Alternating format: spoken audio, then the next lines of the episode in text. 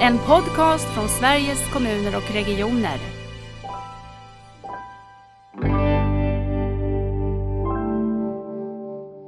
Just det här med tillgänglighet också, att man som du sa tidigare också, vad är tillgänglighet? Alltså det, vi, vi finns tillgängliga helt enkelt. Man vet vart man ska vända sig.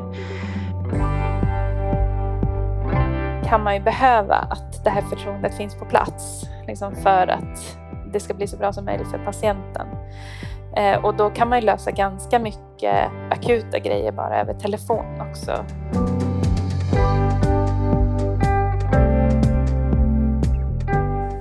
Hur kan man gå från att släcka bränder till att arbeta mer proaktivt? Vad är det som krävs? Och hur lyckas man att både möta stora behov hos sköra äldre personer och se till att det blir en bra arbetsmiljö för de som arbetar i hemsjukvård? Ja, det är frågor som vi ska diskutera idag med Linda Sundvall från Gällivare kommun och Agnes Lindbo från Region Norrbotten. Men innan vi dyker ner i de här viktiga ämnena så vill jag veta vilka ni är. Så börja du Linda. Okej, tack. Eh, jag är distriktssköterska eh, i hemsjukvården i Gällivare kommun. Eh, jag är trebarnsmamma. Jag är en aktiv person, tycker om både träning, djur och natur. Håller på med hästar. Eh, men som sjuksköterska har jag jobbat på lite olika ställen inom regionen innan jag började på hemsjukvården 2016. Och eh, här har jag varit sedan dess förutom ett litet avbrott som jag hade på ögon ett år.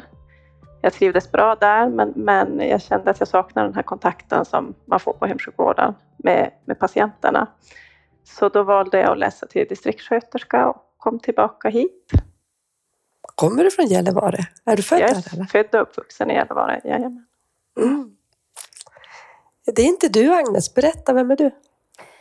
Eh, ja, Eh, jag är också trebarnsmamma som Linda. Mm. Vi bor faktiskt på samma område. Vi har barn som ska börja i samma skola, så vi är lite gemensamt privat. Men jag är stockholmare faktiskt och eh, jag, jag, jag gjorde min AT här uppe. Eh, alltså allmäntjänstgöring för läkare och, och, eh, och då träffade jag min man. Eh, så det blev väl därför som jag hamnade här till slut. Eh, först lite, lite mer för familjens skull, men nu trivs jag jätte, jättebra. Så jag kommer bli kvar här. Eh, men jag är i alla fall geriatriker nu sedan några år tillbaks. Eh, men det finns ju ingen, ingen geriatrisk klinik. Jag är ensam geriatriker norr om Luleå. Just det. Eh, och så det är ett väldigt stort område. Eh, så man får vara lite kreativ hur man arbetar. Patienterna, behoven eh, finns såklart. Det är bara att hitta arbetsformer. Och då har jag valt att gå in i nära vård eh, för sköra äldre. Mm, just det. Och arbeta lite mer liksom öppenvård, primärvård med de geriatriska patienterna. Eh, och bygga upp hemsjukvårdsteamet med er i kommunen. Mm. Eh, men sen har jag också demensmottagning så att patienter från Malmfälten inte behöver åka 30 mil till Luleå för att träffa en geriatriker om man har behov av specialiserad demensutredning. Så då träffar jag dem lite närmare, nära också, mm. nära vård kan man kanske kalla det. Klart. Ja, men du Agnes, du och jag träffades ju eh, innan jag hade börjat i den här rollen, för vi åt en lunch ihop. Berätta vad du hade gjort precis då, som vi pratade om på den lunchen.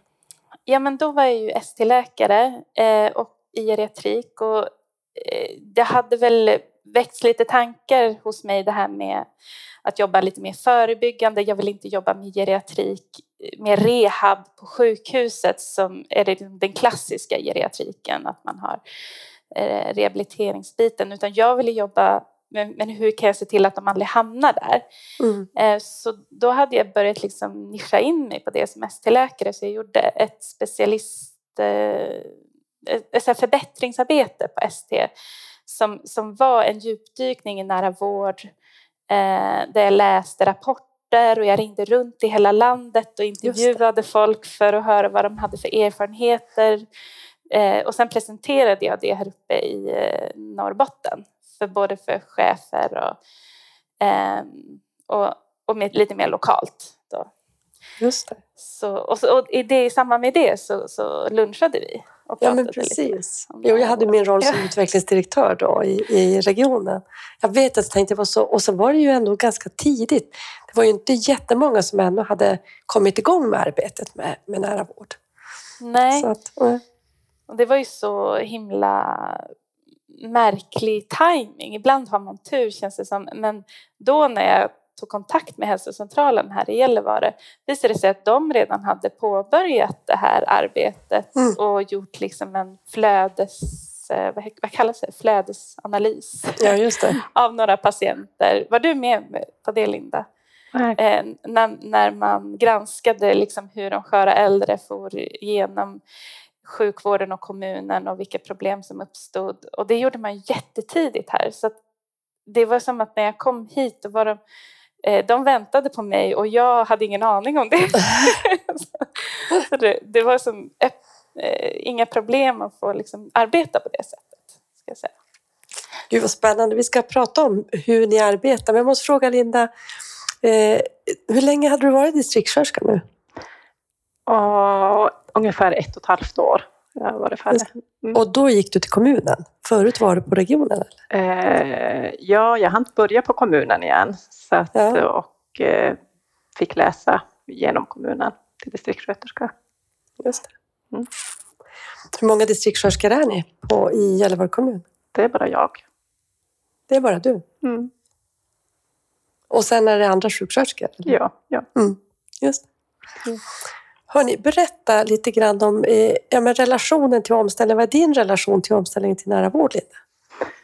Eh, Ja, jag tänker det, som Agnes också, det har varit på tapeten länge. Eh, Man har pratat om det och vi har varit delaktiga i den här omställningen.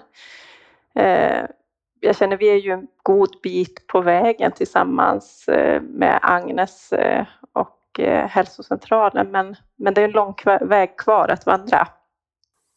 Absolut. Så samverkan med Agnes är ju en del, men, men vi måste titta på andra samverkan också. Vi har ju andra hälsocentraler, eh, slutenvården. Vi behöver mer, mer team. Alltså med Agnes känner vi har vi ju hunnit skapa det här teamet med, med patient och anhöriga, men vi måste plocka in fler i det. Fler yrkesgrupper, eller vad tänker du? Jo, jag tänker Mm. hemtjänst, rehabpersonal, personliga assistenter och så vidare. Mm. Behöver också bli en del i det här teamet med patient och anhöriga. Mm. Mm. Och det har vi ju börjat med lite grann faktiskt. Men vi kanske kommer tillbaks till det. Mm. Berätta om din. Du har ju berättat lite grann, Agnes, om, om din koppling till nära vård. Den har ju börjat... Den, den var så förutbestämd. Ja, Mm ja men verkligen. Alltså, det kändes som mitt, mitt mission I, i, i livet på något sätt, i karriären i alla fall. Eh, men eh, ja, nej men jag, det var som att jag tänkte på det här redan innan det, jag hörde om att det var en politisk omställning. Det var ganska, hade pågått ganska länge innan jag fick höra talas om det. Att det liksom på politisk nivå att man hade fattat beslut om omställning till nära vård. Och, och så, utan det här var mer någonting som jag tyckte kändes logiskt. Liksom att, eh, in, att det sjukvårdens att det inte skulle vara liksom sjukhuset som är merparten av eh, hälso och sjukvård utan att man ska få sina behov tillgodosedda liksom på ett mer planerat sätt. Och att det också är effektivt, eh, att det är en win-win för alla. Det tyckte jag också kändes logiskt. Och ehm, men sen fick jag höra talas om den här rapporten då, Bättre liv för sköra äldre. Den känner du kanske till Lisbeth Ja, då. det, väl. Ja. Och, och, och den fick mig verkligen liksom, då, då satte man ju ord på det här lite mer konkret. Då har man ju tittat på 300 patienter, sköra äldre och verkligen gjort ett enormt liksom, forskningsarbete kring de här patienterna, deras behov och vars, vars liksom kostnadsfördelning och allt möjligt sånt. Så då blev det ju eh, jag tyckte det kändes som att någon satte ord på det som jag redan hade Mm, observerat i sjukvården. Kan man säga. just det. Du är anställd på en hälsocentral idag. Mm. Mm. Bland annat, ja.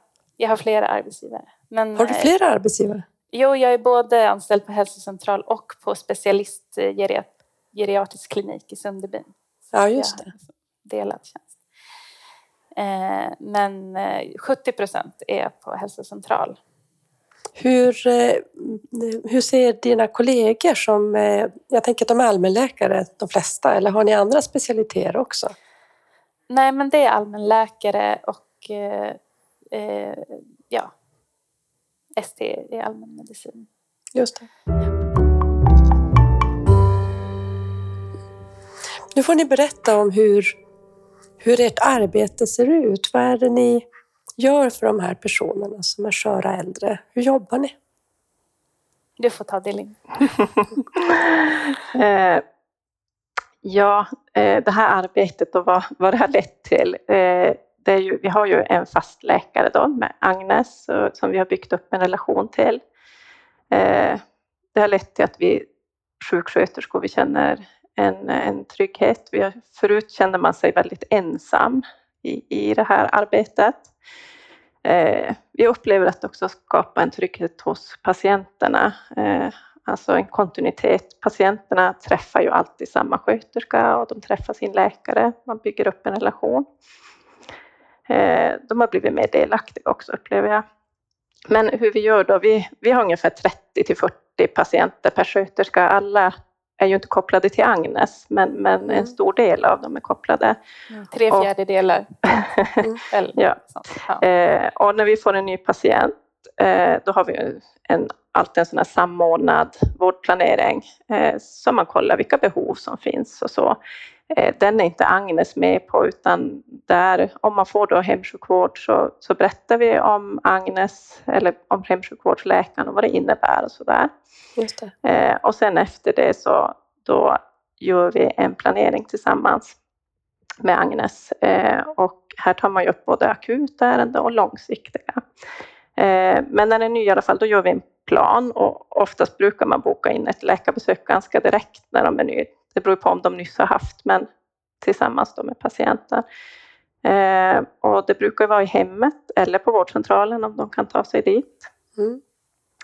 Eh, Och då träffas vi gemensamt eller ibland har Agnes besöken själv. Det beror på lite, vi får prioritera det lite mån av tid också. Men det är Eh, väl ganska personcentrerat. Ja, Alltså, det är olika från fall till fall. Vi är Ja, inte just det. alltid på samma sätt. nej, Nej. precis. Eh, Men då i alla fall vid de här, då brukar vi försöka få en bild av läget tillsammans, vilka behov finns och sådär. Eh, Och vi gör planer och sådär. Det, det känns som att vi utifrån det här jobbar mer förebyggande. Eh, Det blir att, ja men som exempel, det kan vara hjärtsviktspatienter, man gör upp en plan. Vad, vad ska vi göra vid en försämring?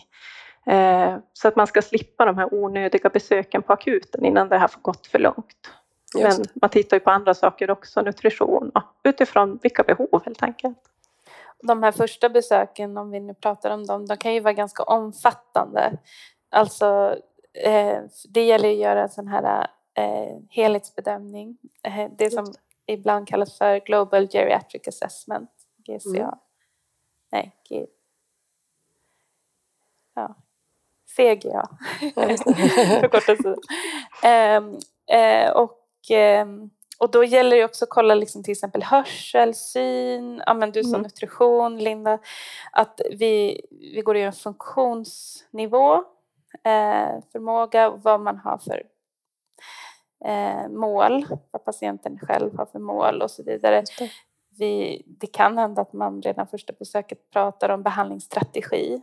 Eller Mhm. så pratar vi om det senare, bokar återbesök. Det är inte alltid att det känns som att man har kommit dit. Eh, men ganska omfattande besök i början. På ett helt annat sätt än jag tror att man gör på årsbesök på hälsocentralerna när man kommer för till exempel sitt diabetesårsbesök och så har man 30 minuter totalt sett. 20 minuter med patienten och 10 minuter admin. Det går liksom inte att djupdyka ner i allt det här då. Så det skiljer sig väl lite grann. Och sen Ja. har vi ju också, jag tycker, när vi har våra läkemedelsgenomgångar, och det är också, det är ju, man går ju igenom på ett helt annat sätt. Jag tänker det här, man kollar verkligen, har de onödiga mediciner eller så att, eh, och sen också som är viktigt, jag tänker som när vi har de här eh, ja, men planerna tillsammans med, man kollar, eh, ja men vad vill patienten? Det kan ju vara så till exempel att jag vill verkligen inte behöva vara på sjukhus. Nej men då ska vi försöka göra så att, sen kan ju planen alltid ändras så att man känner, efter ett tag känner man annorlunda. Mm. Men, men sen också att patienterna blir delaktiga, det känns bra och de vet var ska de vända sig, vad, vad, vad har, Har vi de- planerat? Har de sin egen plan också själva eller? Nej, inte utskrivet. Jo, Nej. ibland har de Ibland, det. ja. Eh, till exempel vid hjärtsvikt och KOL, då brukar vi skriva ut dem och sätta dem på kylen hemma så att hemtjänsten också ska se Mm. på ett lätt det. sätt så att det blir väldigt tydligt för alla liksom, att så här, Mm. så här gör man vid en misstänkt kolexacerbation till exempel snabbt. Mm. Ja, precis. Ja. Så det, det händer att de har sin egen plan. Mm. Jag tänkte på det här med patientkontrakt, att, det, Mm. att kunna ha det där själv också veta, ja men så här ska jag göra och det här är numret till Linda. Och Mm. kan, de ringa till, kan de ringa till dig Linda? Eller? De kan ringa till mig, bara jag är i tjänst. Men sen har vi en jourtelefon också så att de kan nå oss alltid. Till dig också Agnes, eller hur ser det ut för dig? Ja, det går ju alltid via Linda eller, eller den hemsjukvårdssköterskan. Men det brukar fungera smidigt. Så att jag skulle säga att jag är ganska tillgänglig för patienterna anhöriga också, Mm. tror jag. Genom Eh, Linda. Ja, och det, de- det känner de- vi, det, det är lättare också eh, sen vi har en egen läkare, om man ska kalla det så. Eh, just det här också att, att eh, Agnes återkopplar väldigt lätt både till anhöriga och till patienter. Önskar de få kontakt med läkaren så, så är det lätt. Just det. Jag tänker det, tillgänglighet är ju så mycket mer än de här vårdgarantitiderna vi har i Mm. lagen. Det är ju verkligen en känsla av att man, man hittar rätt och kommer fram. Jag funderar på de patienter som identifieras att de just ska vara eh, en patient till dig, Agnes. För du, jag tänker Linda att ni kan väl ha andra hemsjukvårdspatienter som inte är en skör äldre också? Eh, jag tänker hur hamnar man just i ert arbetssätt och i ert team? Bra fråga. Men jag har inte omsorgen eh, i psykiat- psykiatrin, hemsjukvården, psykiatrin. Nej. Eh, men all annan hemsjukvård. Eh, så, så har vi gjort. Att, Så det är ju inte bara geriatriska patienter, det är det inte. nej. Nej, det där. Men de, de andra som inte är geriatriska, det är ju undantagsfall. Mm. Och det har hänt kanske en enstaka patient att eh, ha varit kvar hos sin PAL, tror jag. Mm. Eh, men eh, eh, som behöver kanske mer en allmänläkare än en geriatriker. Eh, men det har också, och i de fallen så har vi väl varit lyhörda för hur patienten känner. Just det. Eh, men, men, men det har gått bra i de flesta fall. Tror jag. Mm. Man har kunnat Så man skulle kunna säga att du blir den fasta läkarkontakten på hälsocentralen och sen blir Linda, du någon typ av fast eh, vårdkontakt för dem eller din ja, kollega? Ja, ja. Benämner Ja. du det så också? Pratar ni om det eller? Ja. Ja. Ja. Jag hängde inte riktigt med. Nej. att, att om vi benämner det som fast Ja. vårdkontakt. Ja, jo, men det gör ja, ja, Ja. det gör vi. Och, och jag säger ju också till, till patienterna när de möter mig, de ska vända sig till. Just det. Så, Det där spelar ganska stor roll, tänker jag, eh, att eh, ändå känna den tryggheten. Att ja, men vad bra, nu är det Linda och det är Agnes. Mm. Att, att få den där relationella mm. eh, kontinuiteten. Och det är det jag tror man vinner också genom att lägga ganska mycket tid i början när man har en ny patient med många komplexa behov och behov till anhöriga också av stöd och sådär. Lägger man, lägger man eh, tid på att kommunicera och, och, och verkligen visa att man finns där, då bygger man ju upp ett förtroende. Så sen kan man ju behöva att det här förtroendet finns på plats liksom för att det ska bli så bra som möjligt för patienten. Just Eh, och då kan man ju lösa ganska mycket akuta grejer bara över telefon också. Eh, Mm. så så, att, så att, att man bygger relationen i lugnt skede för att sen kunna liksom, eh, ha nytta av den i, när det verkligen behövs. Just det. Det tycker jag är en jättestor fördel. Man skulle kunna, jag försöker tänka hur det är på den hälsocentral du är. Då kan man tänka att du är som hemsjukvårdsläkaren där som har ett annat arbetssätt än det vanliga mottagningsarbetssättet som dina kollegor har. Förstår jag det rätt exakt, då? så Mm. är det. Och det, är ju, det kan ju vara lite utmanande Mm. eh, att vara den enda som arbetar på ett annat sätt. Just det. Eh, för jag har ju mycket färre bokade patienter per dag till exempel. Mm. Eh, och, och, och, så där. och i början så upplevde jag liksom att det var lite så att man fick försvara det. Eh, Mm, jag, hade förstår. ju, jag hade ju en överenskommelse med min chef om att det var så här jag skulle jobba. Jag tog mycket telefonkontakter både med patienter och anhöriga och lite, liksom, eh, lite längre journalgenomgångar och så vidare, läkemedelsgenomgångar.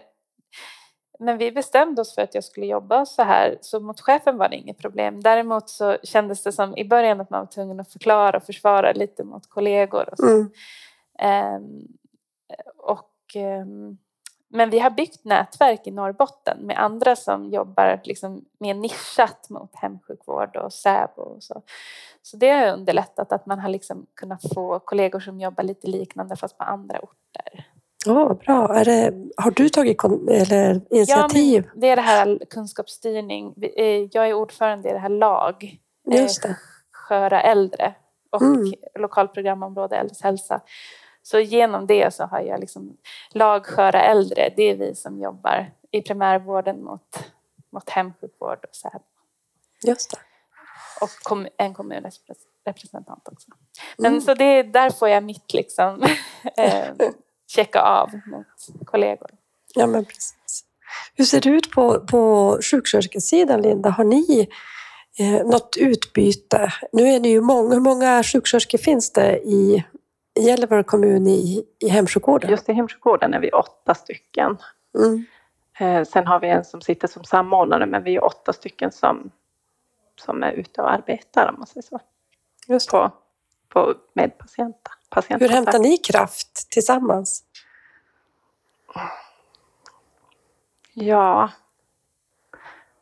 Vi har ju ett ganska ensamt arbete eh, så det är ganska viktigt att man har, vi har otroligt fina kollegor. Eh, vi har mycket samtal tillsammans. Man skulle önska att det fanns mer tid för det ibland. Mm. Eh, Men jag tänker att det är ju eh, från varandra. Men sen skulle jag säga att jag får mycket kraft och energi också från mina patienter. Det är nog de som gör att jag eh, jobbar för att man får fin respons från dem. Mm. Mm. Om man tittar på det här arbetssättet och, och funderar på hur vad, vad spelar det för roll för just patienterna som ni säger? Och du, eh, ni tog båda upp också deras anhöriga. Jag tänker det känns så viktigt också att ha det perspektivet. Vad, vad, får, vad får ni för respons? Vad tycker ni att arbetssättet ger? Ja, jag tror att det är alltså, tryggt. Eh, jag tror att det är tryggt att de vet vart de ska vända sig. Eh, och just det här med tillgänglighet också, att man, som du sa tidigare också, vad är tillgänglighet? Alltså det vi, vi finns tillgängliga, helt enkelt. Man vet- vet vart man ska vända sig. Eh, lite Det lättare också just det här med, med att få tag i läkaren, tror jag har, har stor betydelse. Ehm, alltså man, man bildar ju en relation med, med patienten och anhöriga över tid. Just det. Mm. Jag skulle säga att det är väldigt roligt att arbeta så här. Ehm, därför att ja, men vi har ju, jag i alla fall har fått förutsättning att jobba på ett sätt som jag alltid har drömt om. Att få tiden att göra saker ordentligt och man känner att man gör ett bra jobb för det mesta. Det Mm. funkar inte hundraprocentigt. Men för det mesta att man känner sig tillräcklig och, och då, då man får ju jättemycket positiv respons hela tiden och det är ju från patienter, från anhöriga, från kollegor på sjukhuset, från chefer, från andra eh, kollegor i regionen som hör av sig och vill komma och kolla hur man jobbar. Och sådär. Så det ligger ju som i tiden och det, det är mycket fokus och uppmärksamhet på det här som den här Nära vårdpodden till exempel. Ja. Eh, Men det är ett otroligt tillfredsställande sätt att arbeta på. Liksom, i vardagen. Eh, man, man känner ibland att man får så lite oförtjänt mycket beröm och så för att man har fått bra förutsättningar. Det är ju det Mm. det handlar om. Det. Mina kollegor som är allmänläkare, de har ju ett omöjligt uppdrag egentligen, kan jag, har jag sett lite. Mm. Liksom, att de måste som producera i snabb takt och liksom hela tiden känna sig otillräckliga. Det här är inte riktigt så. Nej. Det, någonting som jag tycker att jag ser när jag får jobba med det här, det, det är ju att det verkligen eh, finns vinster som hänger ihop. Det blir tryggt för patienten, men det blir också roligare att jobba på det sättet. Mm. Så det är som bara win-win i det. Att de här två sakerna går så ihop. Mm. Eh, Har ni någon som tittar och utvärderar ett arbetssätt? Eller? Vi har en som har intervjuat oss, eller en konsultfirma som har intervjuat oss för att titta på hur vi ska utvärdera. Jaså? Men jag tror att man konstaterade att det inte fanns så mycket utvärdering. Eh, annat än det kvalitativa. Alltså Mm. det som vi får höra. Eller hur Linda? Ja, Visst intervjuade hon dig också? Ja. Ja. Ehm, så, så, däremot så har vi sett i palliativregistret att vi har ganska bra resultat. Att det är fler som får dö hemma, till exempel i. Gällivare. Jag tror att vi är högst i Norrbotten eh, på, på andel personer som, som dör i hemmet. Vilket jag tänker är ett mått på att de känner sig trygga och vara kvar hemma. verkligen. För vi har ju också de palliativa patienterna. Mm. Det, det, det kanske man ska nämna om det är folk i större städer som lyssnar eftersom vi har ju inga avancerat hemsjukvårdsteam för palliativa utan det hamnar ju på den normala hemsjukvården. Just det.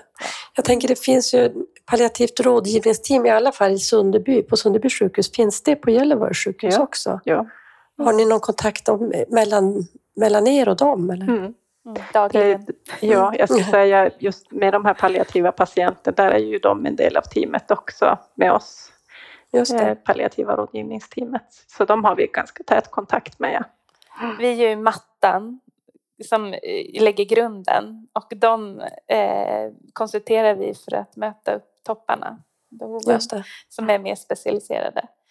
Men det, det, det är daglig kontakt i stort sett Mm. med dem. Och de är ju också bryggan på något sätt mellan slutenvården ibland när den behövs, eh, kan jag tycka på palliativpatienter så, så är de en brygga däremellan. Ser ni någonting? Nu har ni inte följt det kanske, men jag tänkte inläggningar på sjukhus. Hur vanligt är det att de behöver läggas in på sjukhus, era patienter? Det är ganska vanligt ändå eftersom det är de sköraste, mest sjuka äldre som, som det rör sig om. I början så såg jag varje inläggning som ett misslyckande eh, Mm. för att jag hade så höga ambitioner att jag skulle förebygga allt. Och sen så insåg jag att det går inte. Eh, däremot så, så tror jag att vi förebygger faktiskt ganska mycket eh, genom olika eh, vägar. Eh, Mm. det, det är min känsla, men det är in, och det är det jag får höra från, från slutenvården. Men vi har ingen så här kvali, eller, eller objektiv data på det än. Nej. Men jag tror att man håller på att kolla på hur man ska utvärdera det. Faktiskt. Upplevelsen är så, men sen som du säger också Agnes, vi vet inga siffror så man kan inte säga med Nej. säkerhet att det är så. Men, men eh, sen är det ju också mycket kan vi göra hemma och, och gör vi hemma eh, som, som kanske annars hade krävt inläggning. Jag tänker dropp och sånt i hemmet. Som, Ja, det gör det. Mm. Så att, eh, Ja, om de har, eh, om de har en central infart. Just det. Men, men eh, jag tänker liksom också att vi täpper ju till massa luckor i liksom, ja men alla som jobbar i kommun eller i sjukvård vet att det finns massa kommunikationsmissar hela tiden. Det, man kanske är på akuten, man blir ordinerat ett läkemedel men sen så får aldrig hemsjukvården veta det för att de på akuten tänkte inte på att den här patienten inte sköter sina läkemedel själv. Kanske man rapporterar inte tillbaks. Eh, Det kan, det kan röra sig om bokade tider till specialistklinik där patienten får ett brev men de är inte kognitivt klara så att den tiden går inte fram till, liksom, till någon som kan hjälpa patienten att boka. Eh, och alla de där missarna, eller många av de där missarna fångar vi upp. Eh, och man kan se när de har varit inne, till exempel om det har blivit felaktigheter i deras läkemedelsförskrivning. Eh, så kan man också se det för att vi har ganska snabba uppföljningar efter utskrivning. Så att, att liksom, jag tror att den största vinsten när det gäller liksom förebygga inläggningar så, det är de här, att vi täpper till alla de här kommunikationsmissarna. Mm. De här små grejerna. Har du tänkt på det Linda? Att det, liksom, mm. det är så ofta som, som, och, som och, vi upptäcker saker som har blivit lite fel. Ja. Och, och det är ju alltså det är ju verkligen det här att man är två olika organisationer som inte kanske har kunnat samverka, man har inte samma journalsystem. Och för nära vård så krävs det ju att man går över de där gränserna. Jag skulle säga att precis som Agnes säger så det har ju varit en jättestor fördel. Det nämnde jag inte tidigare för vi har planeringstid med Agnes en, en tid i veckan per sköterska då. Eh, så då går vi igenom våra patienter och det, det, är väl då ganska snabbt vi följer upp till exempel om man har varit inneliggande eller sådär. Sen mm, kan då vi brukar alltid... ni säga att den här har varit inneliggande, vad hände? Ja, men vi kollar lite på listan, ni har träffat patienten ofta så ni vet hur personen mår och så beslutar vi, behövs det här ett besök? Snabbt. Just det. Ja, förlåt, vad sa du Lina? Det är jag.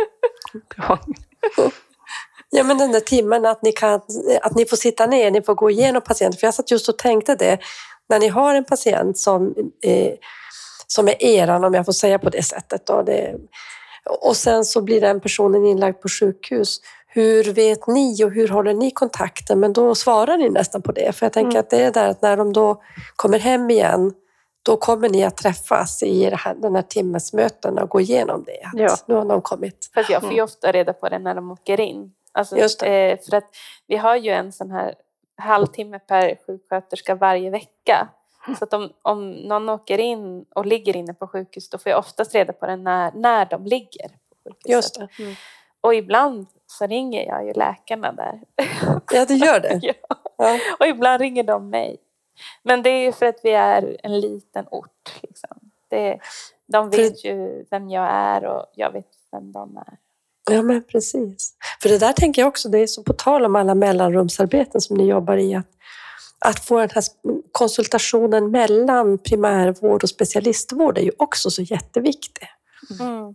Ja, De jobbar spännande med i Jönköping bland annat, att få till det där. Ja, det, men det är ju roligt att ni... Eh, jättesvårt på en större, på ett större ort. Men här är det ganska enkelt.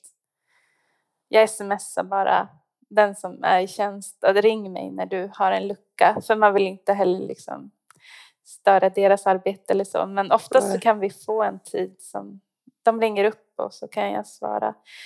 Eh, och eh, det är ganska odramatiskt.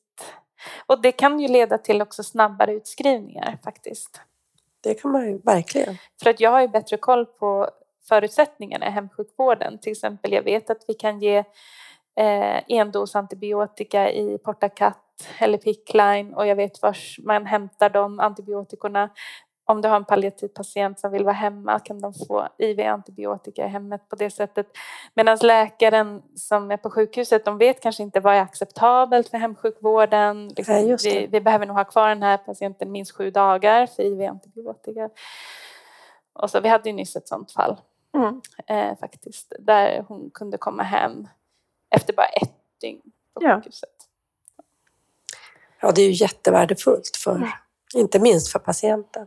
Mm.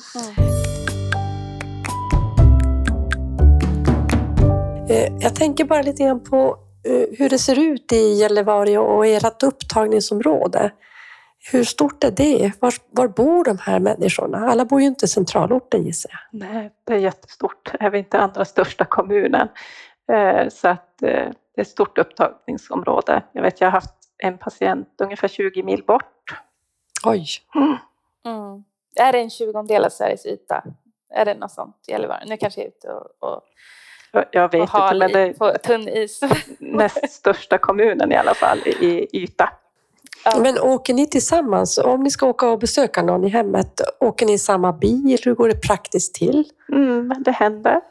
Mm. Ibland får Agnes hämta upp oss om vi inte har någon bil eller Så ibland åker vi tillsammans och ibland så har vi varsin bil. Och ibland Mm. är Agnes själv på besök. Och det- ibland har vi distansbesök om bara Mm. ni är hos patienten. För ni har ju olika byar, Mm. ni distriktssköterskor, eller eh, hemsjukvårdssköterskor. Ni har olika byar och då har ni kanske flera patienter som ni träffar en dag i den byn. Eh, och ibland så räcker det att jag är med på telefon. Eller ibland har vi också haft videobesök.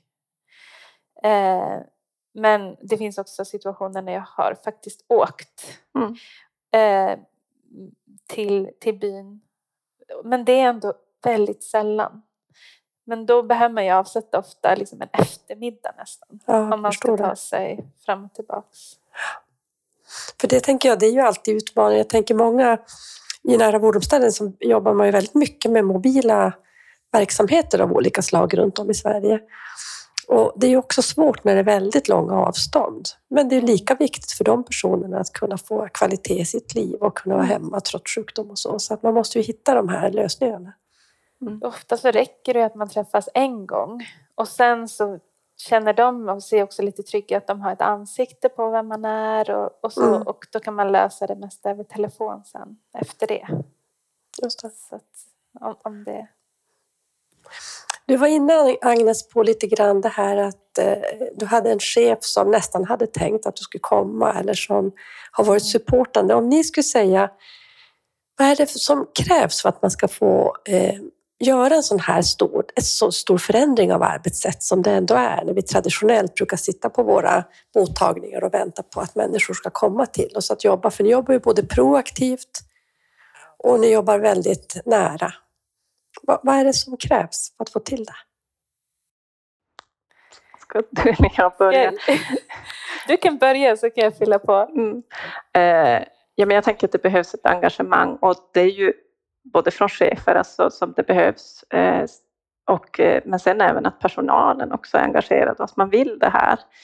Eh, I början när man började med det här kändes det som ett jättejobb. Eh, men eh, vi, vi fick ju prioritera helt enkelt och börja någonstans. Eh, ja, vill du hoppa in kanske? Jo, alltså jag kan säga, jag kan berätta bara hur det var för mig då när jag började. Då kom jag ju som ST-läkare till hälsocentralen och jag randade mig. Så att jag kom egentligen som så här, om man säger gratis arbetskraft eh, eftersom man är liksom en tillfällig period på en enhet för det ingår i en specialistutbildning. Då, fast ens lön kommer från en annan klinik. Just Så de var ju bara väldigt tacksamma att jag kom. Eh, och då hade jag som inte så mycket begränsningar på mig hur mycket tid jag kunde lägga på det här. Det som blev då att jag var på 100 procent och jag skulle beta av en lång vårdkö efter pandemin. Så att alla i princip just i det. hemsjukvården hade de här uppdämda behoven. Och eh, jag bara körde på i full fart och, och gjorde alla de här genomgångarna eh, liksom ganska omfattande och det blev väl ganska tungt för er Linda. Mm. Så, alltså, så det är väl en lärdom liksom, att ta med sig. Att när man gör det här, liksom, att man förstår att hemsjukvårdssköterskorna kommer bli belastade när man tillför extra läkarresurser. Därför att varje eh, besök genererar liksom efterarbete Mm. från, hemsjukvård, eh, från sjuksköterskorna i hemsjukvården. Då. Eh, så, så det var ju därefter ett tag som ni fick säga till mig att vi, vi klarar inte mer nu. Liksom. så, så här, nu måste vi eh, backa lite. Mm. Och då gjorde vi det eh, till viss del. Men sen också så blev jag färdig specialist och skulle liksom få min fasta tjänst. Och då gick jag ner till 60 procent istället. Men då hade man gjort den här liksom investeringen, betat av, gjort alla genomgångar och så vidare. Så då kunde jag fortsätta jobba med samma uppdrag fast på 60 procent istället för 100. Just det. Eh, och, eh, och då blev det lite mer hållbart för er. Sjuksköterskor i hemsjukvården. Idealt sett så hade man kanske i samband med en sån här satsning eh, rekryterat till hemsjukvården i förväg. Eller hur? Vad säger du Mm. om det Linda? Jo, det kom ju all, allt kom ju som på en gång så det blev väldigt mycket arbete. Men jag tänker man prioriterade ju ändå också kanske vilka hade störst behov. Eh, och gör man det så är det väl fullt möjligt. Men man måste ju se till att resurserna, för det krävs ju såklart resurser för, för, för den här omställningen. Men hur hade du jobbat innan, Linda? Eller? Förlåt, Agnes. Nej, men innan, är det ju, innan vi har haft Agnes så har vi ju haft alla möjliga olika varianter på läkarkontakt mot eh, hälsocentralen. Och det var ju verkligen att vi bara släckte bränder eh, Mm. som man jobbar helt enkelt. Eh, vi hade som ingen långsiktig planering eh, på patienterna. Så att, eh, Men ni var ju båda väldigt glada att jag kom och började jobba och liksom tyckte att det var väldigt skönt att få lätt kontakt med, med läkaren och sådär. Men sen efter ett tag så märktes det ju att det blev ganska mycket jobb också. Det här förebyggande arbetet. mm. Just det. Men när man har jobbat igenom det på något sätt så har man ju vunnit, då får man ju mindre jobb. Alltså, det- Ja, eftersom att man exakt så arbetar det. förebyggande så, så, så, så blir det ju mindre att göra eh, i, i slutändan. Det är ju det första som har varit. Nu känner man ju också när man har arbetat igenom det här så har ju jag som sköterska mycket mer koll. Ja, Eh. Och jag känner en trygghet och vet vad jag ska göra. Jag vet också vart jag ska vända mig. Jag kan alltid, även om vi har vår planeringstid med Agnes så, så kan vi alltid ringa och nå henne utöver den där tiden om det uppstår akuta händelser. Så att eh, det, det är en jättetrygghet för oss. Vi, vi har tittat och, och eh, försökt räkna lite, låter konsulter räkna lite på, det, det är ett typ av närsjukvårdsteam som arbetar med sköra personer och det visar sig att sjuksköterskorna i hemsjukvården, de, eh, deras strultid som de la på att söka läkare, söka läkemedelslistor eller vad det kan vara, den minskade med 50 procent. Mm. Och det är ju ganska markant. Men jag tycker det är intressant det ni säger, att gå från att släcka bränder till att jobba proaktivt. Mitt i mitten när man ska göra det så blir det ganska mycket arbete. Mm. Innan man som har tagit sig över pucken, Exakt. att ändra arbetssätt. Och det borde man ta höjd för då, på något Ja, sätt. Att tänka. tillfället äh, i alla fall tänka att man tar höjd för det. Just För det. jag fick ju mer tid en viss period, men det fick ju inte ni. Nej. Så. Nej. Men, men nu, jag pr- pratade precis med min chef om det innan, inför den här podden, så frågade jag henne, så här, tycker du att ni har fått liksom utdelning av den här investeringen att, att inom den egna organisationen, alltså bara hälsocentralen, Just det. att, att eh, det har effektiviserat vården? För att det enda jag får höra är ju hur mycket tid jag har och hur mycket liksom Ja. eh, tid jag lägger per patient och sådär att, att, att man tillför resurser. Men känslan är ju ändå att gör man det ordentligt från början och med en bra planering så blir det effektivt i slutändan. Exakt. Och, eh, och eh, inte bara kanske att man underlättar och sparar på resurser i slutenvården utan jag har tänkt att det kanske till och med är effektivt för den egna lilla enheten. Och då sa hon det, absolut sa hon, att för, alltså, förut det var ju som, så mycket mer komplicerade bedömningar när man inte hade kontinuiteten, relationen. Så allting tog ju mycket längre tid. Eh, Mm. Och alla akuta ärenden och allting som stress på personalen och så vidare. Så hon tyckte att hon kunde se ändå att det var, om man ska nu prata om kostnader, kostnadseffektivitet i det. det. på sikt. Mm. Men den här första tiden när jag jobbade 100 procent, då var det förmodligen inte kostnadseffektivt. Alltså, men jag var ju ST-läkare eller randande så att det kostar inte dem någonting. Men jag tänker just de som lyssnar och som kanske funderar på att göra en omställning. Då, då kanske det krävs en investering för att sen få effektivitet. Mm. Jag tycker att det är så man ska tänka om man finns i regioner och kommuner och det satsas statliga pengar för att vi ska kunna göra den här omställningen. Att använda sådana resurser till att ta de här puckelkostnaderna eller rigga för att det ska bli bra. För jag tycker jag, eh, jag tänker att ni blir ett så bra exempel på det jag är så övertygad om. Att orkar vi jobba mer i team, över gränserna, mer proaktivt och verkligen personcentrerat så blir det som bara vinster. Och det är klart att det är vinster för patienter och anhöriga. Men också för er som har en Mm. större arbetsglädje och känner att man gör ett bra jobb. För man vill ju ändå göra ett bra jobb när man har valt de här yrkena. Det är ju viktigt. Mm. Och sen också effektivt för organisationen. Verkligen. Alltså, idealt hade ju varit om man hade kunnat få någon nära vårdpengar för en extra sjuksköterska i hemsjukvården under en begränsad period. Mm, Eller något sånt, det. i samband med omställningen. precis. Eller för den delen läkarresurs. Mm. Men ni blickar framåt nu och tänker så här, Åh, det, så här skulle jag vilja fortsätta utveckla. Vad har ni för, för drömmar om hur det ska se ut framåt? Ja, jag tänker ju att nästa steg är att vi kan göra mer än vad vi gör idag. Eh, Men som sagt, som vi säger, det behövs resurser för det. Eh, Och sen just det här att få in, som jag pratade om tidigare, att jag vill ha in mer folk i våra team. Jag vill ha, ha nära samverkan då också både med rehabpersonal, personliga assistenter och hemtjänst. Eh, Och sen det där att vi måste fundera vem, vem gör vi det här för och varför? Alltså vi finns ju till för patienten. Så jag tänker vi måste gå över organisationsgränser. Det är jätteviktigt. Eller det är ett måste för att, att man ska kunna få till bra nära vård. Mm. Nej, Men jag tänker det, och det här med team, det har vi pratat om ett tag nu. Och i höstas började vi ju ha så här att rehabpersonalen också kunde ringa till mig direkt till min telefon om de upptäckte någonting. Eller kontakta vår SIP-samordnare på hälsocentralen för att boka in ett teammöte eh, för alltså rehab, multiprofessionell liksom rehabilitering. Eh, där jag också är med på de mötena.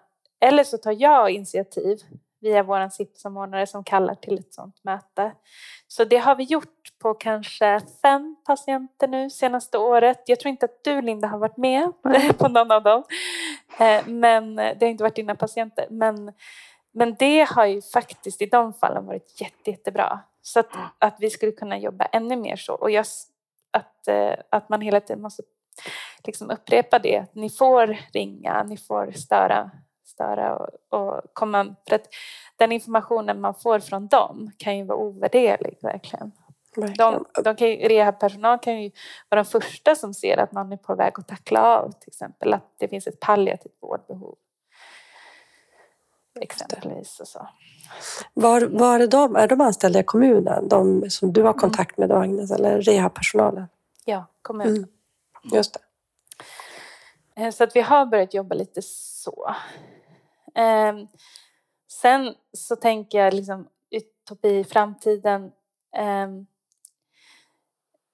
Det, det är väl också det här liksom att eh, dels vi skulle behöva vi skulle behöva kanske lite på jourtid bättre bemanning på hemsjukvården. Eller vad säger du Linda? Mm. Mm. För att liksom det inte ska bli... Eh, det är ganska mycket för sjuksköterskorna på jourtid. Mm. Eh, Det är ett stort, upp, stort område som sagt. Ja, stort, både upptagningsområde och det är många patienter och de, på jourtid är man en sköterska bara så det är svårt att göra. Det är väldigt skört. Tänk Mm. om två blir dåliga samtidigt och så måste en åka in bara för att liksom, det inte finns något annat Mm, alternativ. Så, så där är det också att liksom hela tiden bemanna upp till behoven är uppfyllda. Liksom, man måste titta tillbaka på behoven. Och där tror jag att man måste arbeta både liksom på chefsnivå, eh, politisk nivå också. Så att jag, jag hade tänkt lägga mig i det. Jaha, så tänkte, hur då?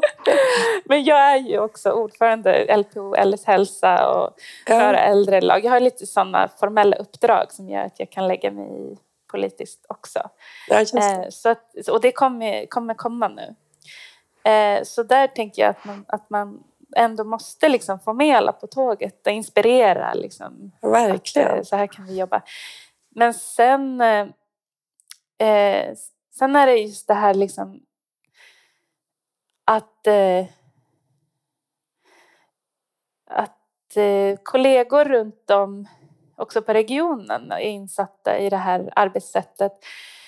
För jag är lite så att jag lägger mig i allt. Liksom. Om jag märker att det finns ett ouppfyllt behov, då är det egentligen strunt samma om det är mitt uppdrag eller inte. Alltså om Exakt. det är den specialiserade vården eller primärvården liksom officiellt. Och att man ringer och kanske ja, men, återkopplar eller har olika synpunkter eller diskussioner och sådär fram och tillbaks. Det tror jag att man skulle kunna utveckla ännu mer eh, i framtiden. Eh, till exempel våra patienter har ju sin specialistvård ofta 30 mil bort. Ja, Då kan ni förstå en palliativ mm. patient som har palliativ cytostatika och som har en onkolog som de bara kan träffa på distans om de nu orkar att ta sig till sjukhuset. Nej. Det, det, och sen så hör de dåligt och så vidare. Så, så eh, att, att ibland har man kanske fått lite känslan av att de inte förstår varför man lägger sig i. men, men det är en omställning även där. Liksom. Att man måste kanske sprida det här arbetssättet eh, så att alla är med på liksom, hur vi kan utnyttja resurserna på bästa sätt. Så att det blir nära ja. vård. Liksom. Ja, jag älskar det där att lägga sig i, för visst är det underligt att vi har blivit så här det här är mitt och det håller jag på med, men jag bryr mig inte. När vi, precis som vi pratar om, måste utgå från personens behov. Mm. Och på något sätt ta kontakt, för det är ju, vi har aldrig kommit i delar till vården. Vi kommer ju som en hel person och det är ju hopplöst. Ja, men det där är inte mitt bord, det är någon annan som har satt in det i läkemedlet eller någon annan som har det mm. ansvaret. Ja, eller det värsta som finns, liksom, man ska förnya recept i i kanske apodos och så mm. förnyar mm. man alla utom två läkemedel som man upplever är på specialistnivå och sen så faller det bort. Så, alltså det, har ju, det händer ju om man inte tar helhetsansvaret. Liksom. Och det har varit eh. väldigt besvärligt för oss förut kan jag säga, för det har ju varit så mycket att eh, de medicinerna sköts av den mottagningen och de av ja, den. Exakt. Så vi har ju som fått ringa runt och som sagt har tagit enorma resurser ja. att ringa runt till olika mottagningar för att förnya recept.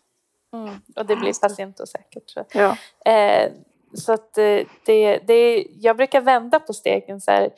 Eh, många, jag tror att många, många allmänläkare läkare behöver avgränsa sitt uppdrag för att kunna arbeta hållbart. Och liksom man har de här korta tiderna, man gör diabetes, det är det man gör på det här besöket. Liksom. Och så behövs det ett, eh, något annat, finns det andra behov kan man boka in ett nytt besök och sådär. Men eftersom jag inte jobbar under den pressen, då kan jag liksom istället vända på steken och säga okej, okay, jag har inga begränsningar för mitt uppdrag utan jag fyller i där behoven finns. Liksom. Mm. Eh, och eh, ehm, är det bäst för patienten att gå på en specialistklinik då, och de vill det, då ska de fortsätta göra det. Men om det finns något alternativ, till exempel att jag kan vara länken eh, och prata med specialisten och vara länken till patienten och återkoppla till patienten. Om, om det är ett bättre alternativ, då kan jag göra det även fast det inte är mitt uppdrag. Så formellt sett. Så att man liksom, när man vänder på det där, då, då kan man uppfylla massor med fler behov. Mm. Man säga. Samtidigt tänker jag att om man skulle önska att våra uppdrag var mer så, mm. samverka, ta helhetssyn, kanske även för allmänläkare mm. och de som jobbar traditionellt, att vi orkade över den här pucken och börja tänka på ett annat sätt som ni gör nu i den nära vården. Hörrni, vi ska börja avrunda, men är det något vi inte har pratat om som vi måste prata om?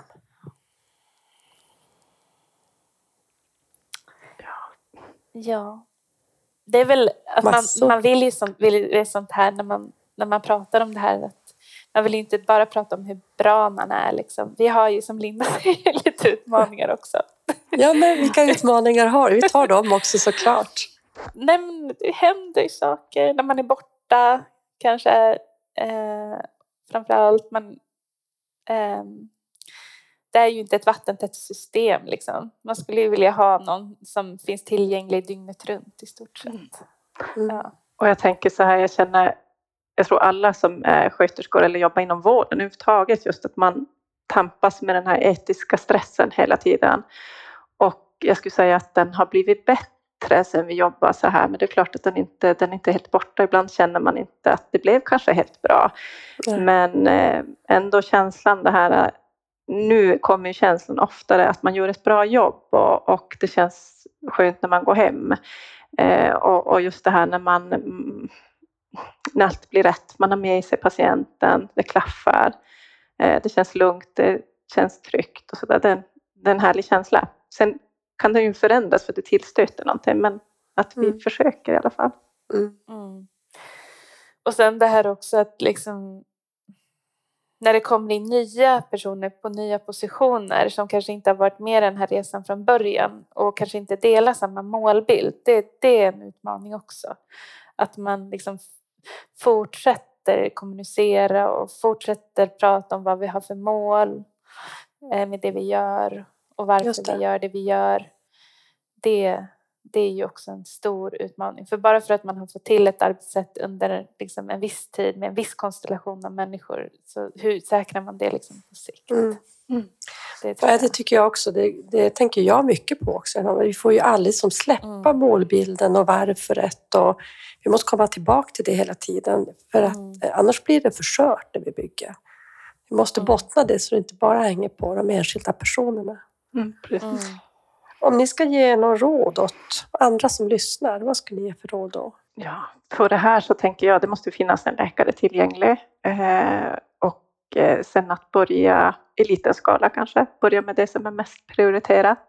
Jag skulle säga det här liksom att vi, vi är varandras kollegor. Det, det tycker jag nästan är det viktigaste. Att liksom vi lär känna varandra, eh, vi respekterar varandra, lyssnar på varandra, vågar säga eh, om det blir för mycket eller om vi behöver backa någonstans. Eh, alltid liksom eh, inlyssnande och ömsesidig respekt, det tror jag. Hörrni, vad är nära för er? För mig är nära trygghet, tillgänglighet, kontinuitet och delaktighet. Men det här är ju ord som alla har hört, så att man måste ju verkligen fundera vad, så att det inte bara blir ett par ord, utan vad är, vad, man måste bryta ner det och, och vad är det för någonting, tänka så. Men det är de ord. Jag fokuserar ju mycket på det här med avstånd. alltså nära för mig. Det är kort avstånd.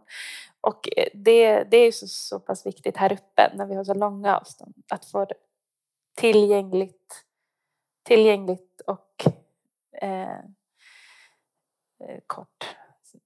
Så att det är liksom genomförbart i praktiken. Det är väl det. Som jag ändå tycker eh, sammanfattar rätt mycket av det här med nära vård också. Stort tack för att ni var med i Nära vårdpodden och, och lycka till framåt. Ja, men Tack själv. Tack så jättemycket. Så ses vi kanske i framtiden. Det måste vi göra. Ja.